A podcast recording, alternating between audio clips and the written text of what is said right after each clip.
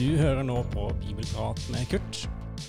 Eh, En podkast som ønsker å hjelpe deg som bibelleser til å lære å forstå og leve enda mer i Guds ord. Eh, Vi holder på med Kolosserne og har kommet til siste kapittel, kapittel fire. Eh, Kurt, Paulus sier her Vær utholdende bønn, våk og be med takk til Gud. Prate litt om bønn, eh, siden Paulus adresserer det her. Eh, men aller først, når han sier våk, mener han det bokstavelig, eller er det sånn i overført betydning? Eller begge deler? Jeg tror det er begge deler. Jeg tror han i høy grad mener det i overført betydning. Vær våkne. Vi lever midt i en tid hvor den onde prøver å forføre oss. Det gjorde de den gang, det gjør vi i dag. Våg derfor. Men samtidig så tror jeg faktisk han tenker konkret også at uh, det var ikke uvanlig i menighetene at man rett og slett hadde vågenetter i bønnen. Og det er det menigheter som har i dag også. Så, så jeg tror det kan oppfattes bokstavelig, men først og fremst naturligvis overført. Vær våken. Følg med. Mm. Og, og hold deg våken ved nettopp å leve i den bønnens samtale med Gud, som gjør at du hele tiden på en måte har kontakten i orden. Eh, Jeg møter en del mennesker som sier nei, de kan ikke bruke Gud med sånt. Og de har ikke forstått hva bønn er. For bønn det er jo nettopp den friheten jeg har til hele tiden å snakke med Gud om livet mitt, om alt det jeg møter. Eh, bønn, det er jo et eh, mysterium, og han godeste C.S. Lewis, det er på en måte ingen temaer der han blir på en måte mer usikker og forsiktig, eh, eller ydmyk om du vil, enn når han snakker om bønn, fordi at det er på en måte så, så, så, så flott, og så mystisk og så skjult samtidig. Fordi at jeg har lyst til å spørre om, han sier her, be for oss, og at Gud må åpne en dør for ordet, så vi kan, så vi kan forkynne Kristi mysterium, det som jeg nå er i fengsel for. Og de kan tenke liksom, hvorfor, hvorfor må vi be Gud om å åpne en dør? Fordi det tydeligvis har det fungerer. Det, det betyr at uh, gjennom bønn så kan jeg få svar. Og, og jeg tror bønn er fra en side sett veldig ukomplisert. Det er barnet som pludrer og snakker med far om alle ting, og far har et åpent øre overfor barnet og, og svarer på dets bønner. Det er et mysterium, for Gud vet på forhånd hva vi trenger til, sier Jesus i bergprekenen, og så sier han be. Eh, altså, Det er ikke fordi Gud ikke vet, men, men mysteriet er jo det forunderlige at mine bønner betyr noe i den himmelske verden og inn i denne verden. Eh, når det bes, så skjer det noe. Og Det har du veldig typisk i Johannes' åpenbaring, kapittel 8, når det, de syv, den, det syvende seilet skal åpnes, og de syv personer blåses i. så får vi en situasjon hvor det bæres fram en masse bønner foran Guds trone, og så utløser det en mengde begivenheter på jorden. Mm. Så, så midt i din avmakt så har du som beder en utrolig makt, for du kan legge hele verden i Guds hånd, og det skjer noe. Mm. Så, så derfor møter vi det jo både fra Jesus selv og fra apostlene stadig oppfordringen til å be. Og jeg har lyst til i den sammenheng å understreke også det er evangelium. Altfor mange mennesker har bønn som en plikt, noe de må. og går med konstant dårlig samvittighet for jeg ber for lite. Jeg møter det stadig i samtaler. Nei, jeg ber ikke nok. Jeg ber altfor lite. Jeg burde be mye mer. Istedenfor å gå rundt og anklage deg selv for ikke å be, snakk med Gud hele tiden. Lev i den samtalen. Det er friheten du har som barn. Gud står ikke over deg med pisken. 'Har du bedt nok i dag?' Men Gud står overfor deg med et åpent øre og sier 'Jeg er alltid parat til å lytte til deg'. Og så kan du og jeg få lov å komme med alle ting, stort og smått. Og, og kan du få lov å slappe av og vite dette er et privilegium, ikke et krav, så tror jeg bønnelivet ditt kan bli noe veldig godt og noe veldig rikt. Men er bønnelivet en plikt, noe som du må, så blir det veldig fort lovtrelldom. Og så er jeg hele tiden under pisken. Jeg har ikke bedt nok. Jeg burde ha bedt mye mer. Jeg har ikke de riktige ordene. Jeg ber ikke godt nok i, i form. Og jeg ber kanskje ikke høyt nok. Gud er i rommet. Du behøver ikke rope. Han hører hvert eneste sukk. Han vet akkurat hvor du er. Og derfor våg å slappe av, og så leve med ham i samtale.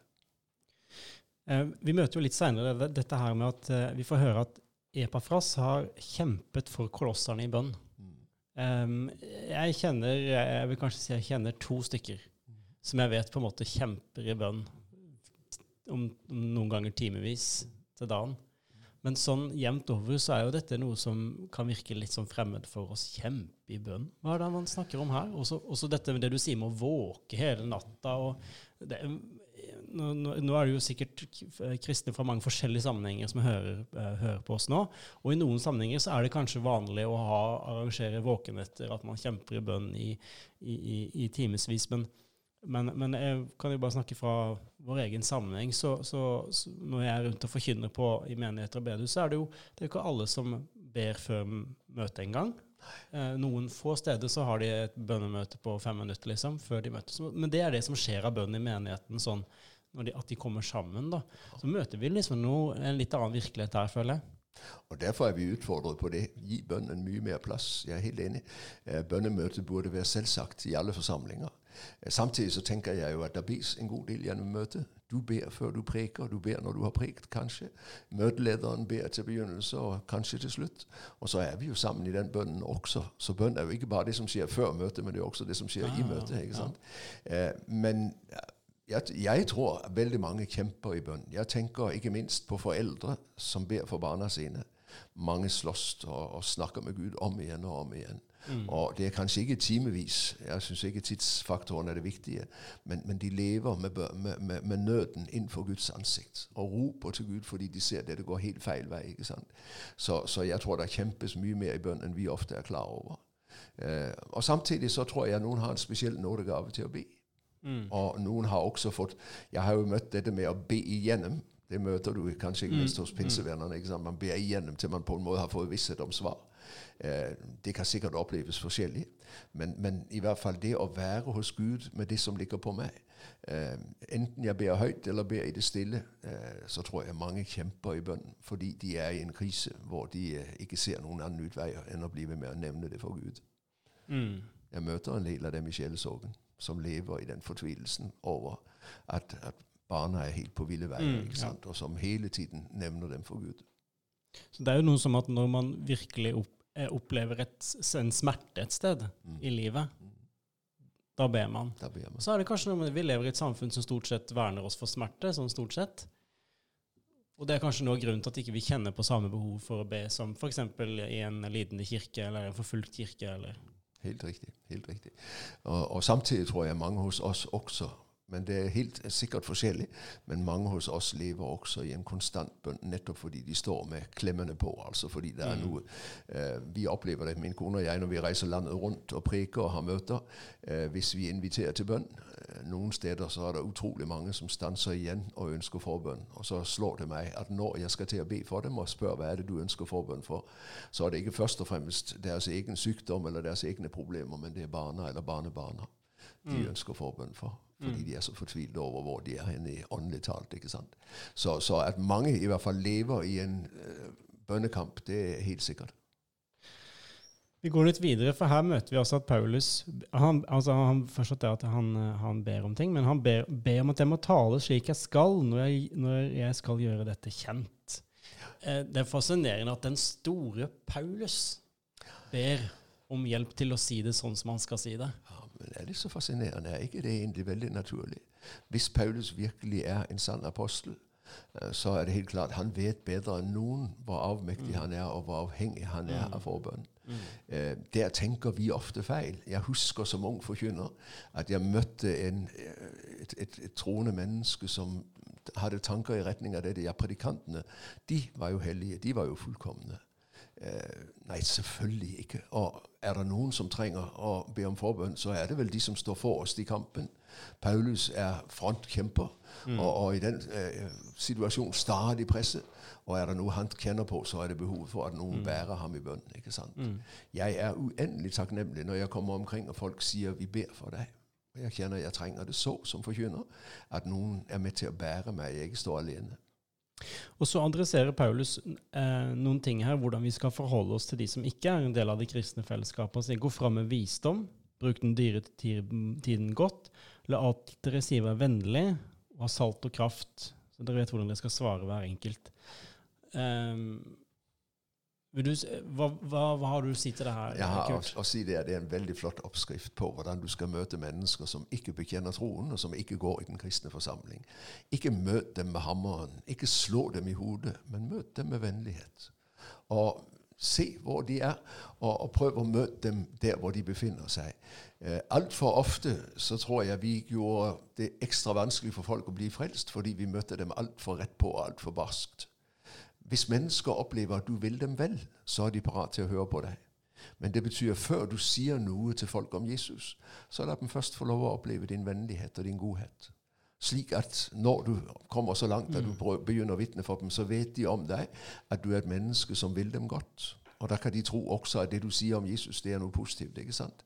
Istedenfor at du altså nærmest står og truer dem med dom og, og fortapelse. Vi begynner ikke der. Mm. Og så syns jeg det er jo veldig spennende at han på den ene siden sier vennlighet, men samtidig salt og kraft. Mm. Altså ikke bli så vennlig at du ikke tør si sannheten, Mm. men våg å si det til dem, ordet om Jesus. At det for deg er blitt sånn at det er det viktigste i verden. Og du skulle ønske at de hadde del i det. Mm. Dette her med salt, det er noe som vi også møter i Jesu ord. Ja. Jeg- jeg- Repeter for oss, hva, hva, hva betyr det salt i Nei. den tida? I dag så er det jo på en måte for å få litt mer smak på maten. Ja, ja, men salt bevarte. I en situasjon hvor man verken hadde fryseboks eller kjøleskap, så er det klart at det å salte, det var bevarende. Så, så salt er viktig for å holde ting fra å forråtne og gå til grunne. ikke sant? I gamle dager på gårdene så la man alltid salt for at det skulle kunne klare seg vinteren igjennom.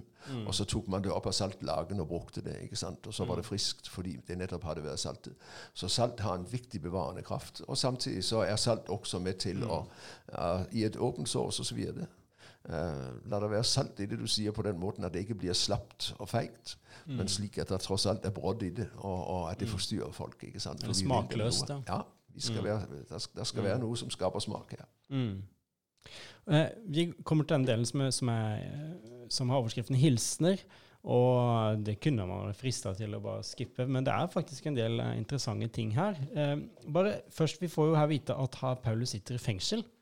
Eh, hvorfor gjør han det? Og hvis vi måte, holder det her med sammen med apostlenes gjerninger, hvor er vi nå i, i, Nei, der- i Paulus sin Der bør, tjeneste? der bør vi være i Roma, ifølge apostelgjerningene 27-28. Paulus har innanket sin sak for keiseren og sitter og venter på dom. Og Mm. høyst sannsynlig er det da han skriver fangenskapsbrevene. ikke sant? Både Efeserbrevet, eh, Kolosserbrevet, Mm. Filipperbrevet og Filemonsbrevet. Så, så han sitter formentlig som fange i Rom av at han har innanket sin sak. Eh, Jødene vil ta livet av ham, Mm. og, og han mener ikke de har rett til det, og derfor har han innanket sin sak for keiseren. Så formentlig er det der vi er. Mm. Og eh, I den sammenheng er det veldig interessant at han eh, nevner Tykkikos, for Tykkikos han møter du også i eh, eh, Efeserbrevet og i Filemonsbrevet som den som bærer brevene med seg. Så Ja. han er formentlig Paulus' postbud. Ja. Og så er det veldig spennende at han i neste omgang også nevner en kar som heter Onesimos, vers 9. For hvis du går til Filemons brevet, så er Onesimos eh, den ene hovedpersonen i det brevet. Eh, det er et privat brev, det eneste vi har fra Paulus hånd, til en slaveeier i Kolosse som heter Filemon. Eh, hans slave Onesimos er stukket av. Men Paulus har møtt ham, dvs. Si han har oppsøkt Paulus, han åpenbart har kjent til ham, i hans fengselscelle hvor han nå befinner seg. Og der har Paulus fått lov å hjelpe ham til tro. Og det spennende er at Onesimus betyr nyttig. Men Onesimus har vært meget unyttig, for han er stukket av. Og nå sender Paulus ham hjem igjen eh, for at han skal kunne møte sin herre, eh, gå tilbake til sin tjeneste, men som en ny skapning. Og det er jo der Paulus sier 'behandle ham, ta imot ham som meg selv'. Så jeg ser jo at Filemon nærmest blir forpliktet til å frigi ham. For Paulus ber ham behandle ham eh, på samme måten som han ville behandle Paulus. Eh, men altså den unyttige er blitt nyttig, og nå er han altså på vei hjem sammen med Tykkikos eh, som både budbærer og sikkert skjelven i knærne. Hvordan vil Filemon ta, meg, ta imot meg? Og Paulus skriver altså brev på hans vegne. Og så skjønner vi her at det er noen som er sammen med Paulus, men som ikke er fanger. Men vi får vite at eh, han godeste Aristarkos, Aristarkos er medfange. Han er medfange, så han har tydeligvis også fått, eh, blitt arrestert i forbindelse med evangelieforkynnelsen. Hvordan det nå henger sammen. Eh, om han frivillig har latt seg på en måte binde til cellen for å hjelpe Paulus, det vet vi ikke. Men han er i hvert fall tydeligvis også medfange. Og Aistakos han nevnes i apostelgjerningene både i kapittel 19 og i kapittel 20. Og der nevnes han som tessaloniker, altså makedoner. Han kommer fra Makedonia, fra Tessalonika. Og det kan tyde på at han er blitt frelst under Paulus' første missions, eh, eller andre misjonsreise, hvor han jo er innom Tessalonika og grunnlegger en menighet. og Derfor har vi to brever til tessalonikerne. ikke sant? Mm. Så Aistakos han er altså en makedoner i Paulus' følge. Mm, ja. Og så I vers 11 syns jeg det er noe interessant, for der sier han Jesus, som også har tilnavnet Justus, hilser også. Disse tre er de eneste omskårne som arbeider sammen med meg for Guds rike. De har vært til stor trøst for meg. Hvorfor poeng poengterer Paulus at disse er de eneste omskårne? Hva ligger bak her? Nei, Det er helt tydelig at det er tre jødekristne som altså er sammen med ham. Og det er de tre jødekristne som har fulgt ham. Mange andre kunne ha gjort det, har altså ikke gjort det. Men uh, disse tre har altså vært tro imot ham, også i hans fangesituasjon. Noen har jo sikkert enten blitt redde eller har følt at dette er for nedverdigende, og dermed så har de trukket seg unna. Men disse tre har vært trofaste. Men denne debatten vi møter i apostelens gjerninger med uh, i hvilken grad uh, kristne må Eh, omskjæres, og hvilke deler av Moseløven de eventuelt må følge. Er det litt det som må ligge bak her? Det kan det være. Det tror ikke jeg. Jeg tror like mye det er det man har berget seg unna reddet sitt eget skinn. Ja. Men det som er veldig interessant, det er jo i vers 11 så sier Paulus disse tre er de eneste omskårne som arbeider sammen med meg. Og hvis du så går ned i vers 14 Lukas, vår kjære lege, hilser dere. Og Det gjør at vi tror at Lukas er den eneste ikke-jøde blant de nytestamentlige forfattere. For Paulus regner ham tydeligvis ikke blant de omskårne. Og det kan mm. tyde på at han er greker og ikke jøde. Og, da snakker vi også om mest sannsynlig forfatteren bak både Lukas-evangeliet og apostlenes gjerninger. Og det er to femtedeler av Det nye testamentet. Skrevet av én mann, og formentlig altså han som er vår mann i Det nye testamentet, for han er ikke jøde, han er hedning. Mm. Mm. Så det er jo litt morsomt. Ja. ja. Eh, og så nevnes her brevet til Audikea i vers 16. Når dette brevet er lest opp hos dere, så sørg for at det også blir lest opp i menigheten i Laudikea, og at brevet fra Laudikea ja. også blir lest opp hos dere. En kan jo begynne liksom å tenke hva, hva, hva, står det i det brevet? Hva tenkes vi hadde hatt i dag? Ja, jeg tenker det står nokså mye det samme som står i Kolossenserbrevet, eller Kolosserbrevet. Jeg tenker det er nokså likt. Paulus har tydeligvis skrevet brev til flere av menighetene. Det kan være Efeserbrevet, rett og slett. For Efeserbrevet er formentlig et rundskriv til menighetene. I ja. de eldste håndskrifter så mangler ordene i Efesos. Der har man selv kunnet fylle inn, så det kan ikke godt være at de har fylt inn i Laudikea, ja. og at det altså rett og slett er Efeserbrevet som er, eh, mm. og som, som koloss, eller kolosserne også skal få lov å lese i neste omgang, at de bytter mm. brev. ikke sant? Mm. Men, men, dermed så har du altså på en måte allerede begynnelsen til Det nye testamentet på gang. ikke sant? Mm. Eh, vi møter også en som de, i vers 17 er si til Arkipos Se til at du fullfører den tjenesten du har fått for Herren. Er det en som arbeider i denne menigheten, kanskje? Det er veldig interessant, for hvis du går til det lille Filemonsbrevet, så nevnes Arkipos sammen med Filemon og hans kone. Uh, slik at det er veldig tenkelig at Arkipos rett og slett er sønn til Filemon. Ah. Det vet vi ikke. Men, uh, men, sånn som han står i Filemonsbrevet, så er det uh, naturlig å tenke seg at han er familiemedlem og gjerne sønn til slaveeieren Filemon. Um, og om hans tjeneste da er en tjeneste nettopp i menigheten i, i Kolosset, hvor Filemon hører til, ja. At han har en spesiell tjeneste i menigheten. Men uh, interessant, altså. Han er formentlig en del av familien til Filemon. Ja. Og Det kan tyde på at han er en ung mann som har fått en tjeneste, og som altså nå formanes til å Må motiveres litt her. Ja, han ja. får få et lite heiarop. ikke sant? Ja, ja. ja. Helt til slutt, så møter vi en hilsen som vi har hørt mange, mange ganger. Nåde være med dere. Hva ligger det egentlig i den? Vi stopper sjelden opp med å tenke over sånne selvfølgeligheter. Ja. Men nåde være med dere. Du møter den i inngangen til enhver gudstjeneste i Den norske kirke. Nåde være med dere og fred fra Gud vår Far og Herren Jesus Kristus. Og det er en tilsigelse. Når Paulus sier det, så rekker han dem nåden. Og Derfor nåden være med der. Det er hans avsluttende velsignelsesønske, hvor han altså på Kristi vegne skjenker dem nåden. Grip, ta imot. Vær så god, her kommer nåden. Nåden være med der. Og du og jeg er helt avhengig av nåden for å leve som Guds barn og leve som kristne. Så det er en glimrende avskjedshilsen og en glimrende utsendelseshilsen også. Ikke bare en inngangshilsen. Når du og jeg forlater gudstjenesten og skal ut og møte hverdagen, tenk å få lov å gå med Guds nåde og i kraft av Guds nåde. Tusen takk. Da har vi gått gjennom hele eh, Kolossebrevet. Det var kjempespennende, Kurt. Eh, og vi gleder oss til å se hva som blir fortsettelsen. Var det gildt å høre på denne podkasten, må du gjerne gi en gave til Nordmisjon sitt arbeid, f.eks. på VIPS med nummeret 94272, eller besøk oss på nordmisjon.no agder.